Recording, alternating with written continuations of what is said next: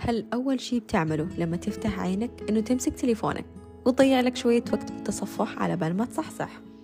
مم. طيب كم ساعة باليوم أو بالأسبوع بضيعها في ال social media؟ كم مرة فكرت إنه خلاص أنا من اليوم راح أبطل social media بس للأسف ما قدرت؟ معاكم نجلاء وأنتم بتسمعوا بودكاست نجلائيات وحلقة اليوم عن كيف نقلل وقتنا على ال social media.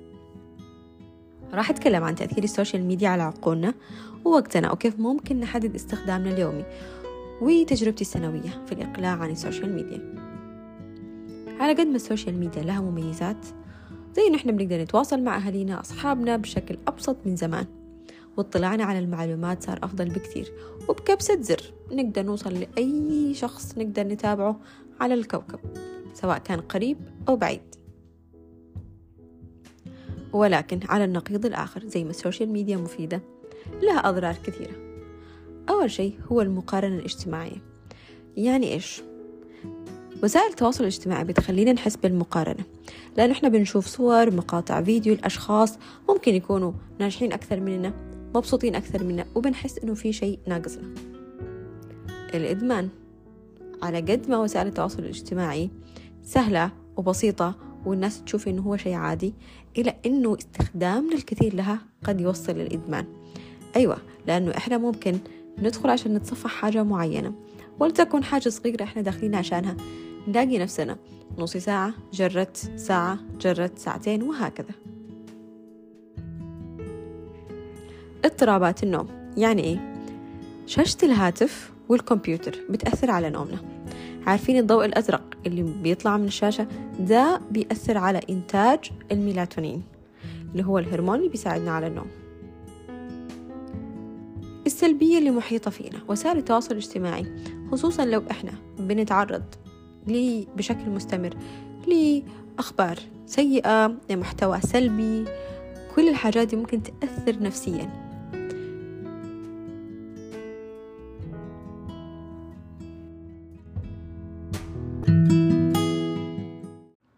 غير عن الاكتئاب والقلق وتأثيره كمان على عقولنا في فكرة إنه الدوبامين اللي بيفرز بسرعة وبالتالي بيخلينا ما ننجز أو ما نستمتع بإنجاز المهمات اللي بتاخذ وقت طويل.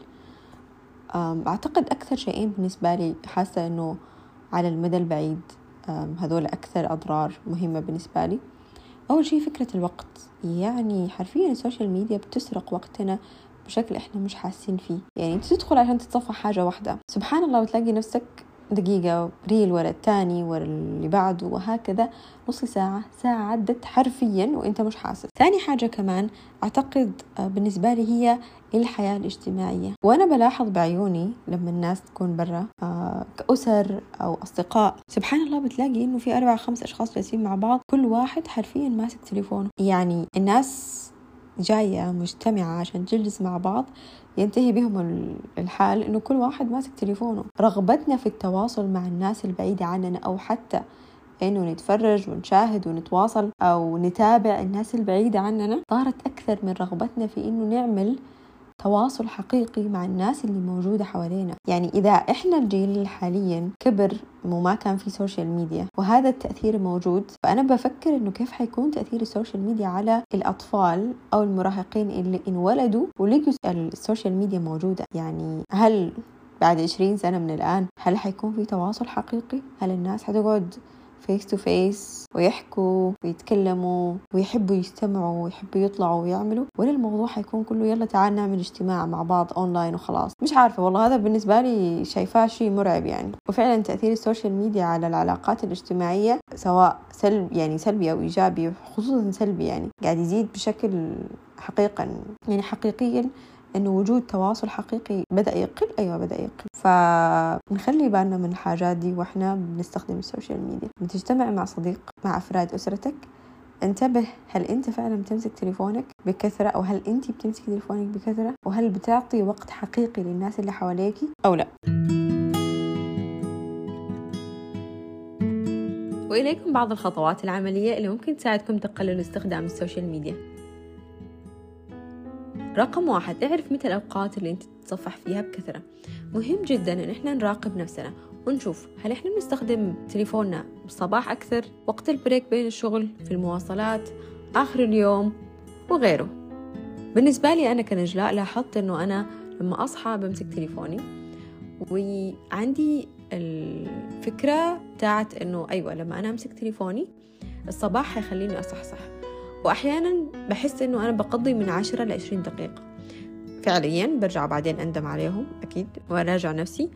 ولكن في الفترة الأخيرة صرت أقول لنفسي نجلة قدامك 30 ثانية. نطي من السرير. إذا ما نطيتي الآن من السرير راح ينتهي المطاف فيكي إنه أنت راح تتصفحي شوية وبعدين حتندمي على هذا الوقت.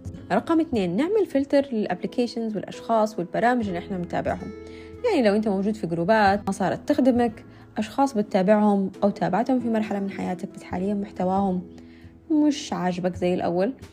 كل ما إحنا فلترنا إيه هم ال application إحنا بنستخدمهم؟ مين الاشخاص اللي بنتابعهم؟ على الأقل.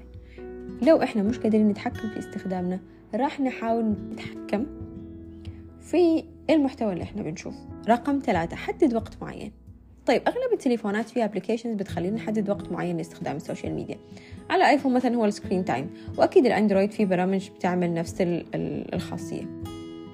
مثلا أنا عن نفسي حاطة يوم آه، حاطة ساعة باليوم لكل application زي الإنستغرام وفيسبوك تيك توك يوتيوب وغيره. طبعا أنا فاهمة بإنه بسهولة بقدر آه، أزود بعد الساعة يعني. لما بيجيني إشعار إنه خلاص خلصت الساعة تبعي أعتقد إنه قبل ما تخلص بخمس دقائق بيجي إشعار.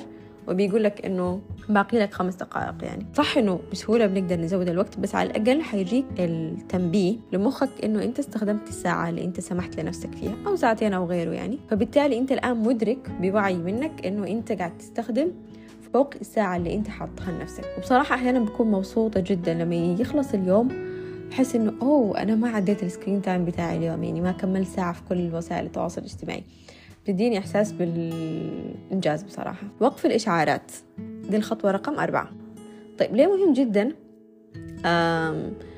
من الأشياء اللي فعالة معايا فعليا إنه أنا لما وقفت الإشعارات اللي بتجيني يمكن الموضوع له سنة ونص حاليا معاني معايا فصار ما عندي الاحتياج إنه أدخل أفتح كل شوية أرد على الناس أشوف message أشوف رد يجيني إشعار إنه فلان نزل ال post الفلاني ولا في الفيديو الفلاني ولا غيره. فصار إن فكرة إنه لما يجيني إشعار أمسك تليفوني دي قلت جدا. يمكن هو الواتساب ال application الوحيد اللي ما وقفت فيه الإشعارات لأنه مهم بالنسبة لي. ولكن فكرة الإشعارات اللي بتجينا كذا وبتدينا إحساس إنه آه إحنا محتاجين آه ندخل ونشوف.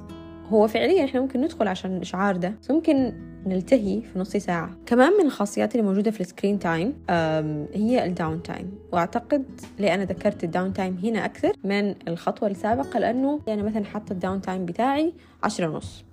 أو ال applications اللي أنا بس اللي بتختار وقتها ال application اللي أنت بتسمح لها ان يوصلك أي إشعارات منها. أنا بالنسبة لي عشرة ونص كل شيء بيقفل في التليفون. وتليفوني بيدخل في السليب مود ولا بستقبل اتصالات ولا بتجيني إشعارات ولا أي حاجة حتى الواتساب اللي هو دايما بيجيني منه إشعار ما بيجيني. فبالتالي خلاص حتى المحيطين فيني صاروا عارفين إنه أوه أنا كلمتك بعد عشرة ونص عشان كده أكيد أنتي ما رديتي علي. وشايف الموضوع بصراحة جدا فعال لأنه خلاص مخك حيهدأ خلاص ده وقت النوم. حتى لو انت ما بتنام الساعة عشرة الساعة تسعة الساعة 11 ايا يكن وقت اللي انت تخططه بس ده حيديك فكرة مريحة إنه خلاص تليفونك هدأ تقدر يقدر عقلك الآن يهدأ يعني. آخر خطوة هي إنه نعمل digital detox إنه كل فترة نعمل pause ونوقف استخدام ال social media لفتره ما عشان نحرر ونطهر عقولنا شوية. خلوني أشارك معكم كمان تجربتي في ال digital detox آه للسنة السادسة أو السابعة أعتقد. آه أنا بعمل ده بشكل سنوي. لمدة 40 يوم بحذف كل application التواصل الاجتماعي من تليفوني. بس قبل ما بعمل ده أنا بتأكد. فأوتوماتيك إيدي حتروح على تليفوني ولكن ما حلاقي شيء. ححس إنه عندي رغبة إنه أرجع أنزل ال application فاللي صرت أعمله مع نفسي إنه قبل لا أدخل في digital detox إنه أنا بجلس أرجع لكل حاجات اللي أنا حافظاها من سنين الله اللي هي بتاعت إنه في بودكاست حلقة حلوة ما سمعتها. في كتاب بديته وما انهيته. في حاجات محفوظة عندي مفروض أعمل مفروض أشوفها أو أقرأها. أو course كان عاجبني بس ما لقيت له وقت أو حاجة أونلاين وهكذا بكتب كل ال list ة وبخطط للوقت ده. بالتالي لو لو مسكت تليفوني ولقيت ما في شيء أعمله أوه بقول لعقلي كده لا لا. لا تقلق أنا مجهزة لك برنامج كذا ما يخرش المية على قولتهم. زي ما قلت حاجة برنامج ال screen time اللي هو بيرسل لك تقرير لاستخدامك الأسبوعي والشهري وغيره. بتابع بشكل مستمر وبشوف إنه أوه لا هذا الأسبوع أنا قعدت في تليفوني بنسبة مش عارفة إيه كم في المية عن الأسبوع اللي راح. امم لا أنا الشهر ده. فبجلس أراقب يعني فالمراقبة هذه بتوصلني أوه لا أنا ملاحظة إنه أنت جالسة كثير محتاجت لك شوية break وبعدين بنوي وباخذ ال break. أول أسبوع حتحس إنه أنت مفتقد شيء. كل مرة تمسك تليفونك وعينك تروح على المكان اللي كانت اللي كان فيه البرنامج اللي أنت رايح تشوفه يعني. أو فطبعا تأكد إنه أنت حذفت وتعمل نفسك ناسي. يعني طبعا مخك يعني بيعمل هذه الحاجات. آه مع ثاني أسبوع ثالث أسبوع بتحس إنه مخك بدأ يهدأ. عادي جدا وما تمسك تليفونك لساعات وما صار أي شيء. والدنيا حلوة. وفي صفاء ذهني وروقان يعني. أوه لدرجة والله العظيم تحس إنه يا الله مساكين الناس اللي ماسكة 24 ساعة تليفونها. أوه هذول مدمنين يا أخي.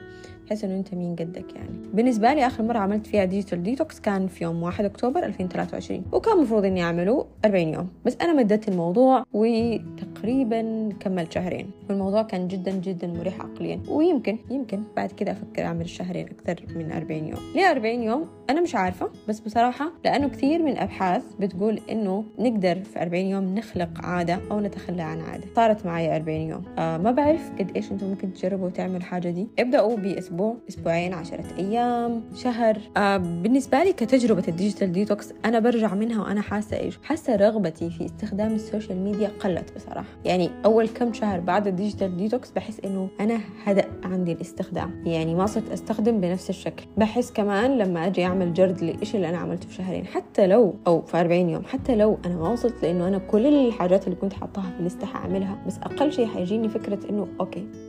عملت حاجات تانية بس at least أنا ما ضيعت وقتي في ال social media تمام؟ حتى لو ما كان في استفادة كلية بالوقت بس في إحساس إنه هذه الرغبة اللي جواتي إني أكون متواجدة يعني واكون أو أتصفح بشكل مستمر.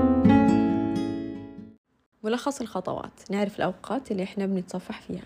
نعمل فلتر ال application للأشخاص اللي إحنا بنتابعهم. نحدد وقت معين لاستخدام ال social media ونكون واعيين وإحنا بنستخدم. نوقف الإشعارات اللي بتجينا على التليفون على ال applications بحيث إنه ما كل شوية ندخل على البرامج. نحاول نعمل digital detox من الفترة للتانية. في ختام الحلقة ما تنسوا تشاركونا إيش الخطوات اللي حتبدأوا تطبقوها قد إيش استخدامكم. لو جربتوا توقفوا ال social media احكونا على تجاربكم شاركوني آرائكم واقتراحاتكم للحلقات القادمة. أراكم على خير. ولا تنسوا subscribe share and follow.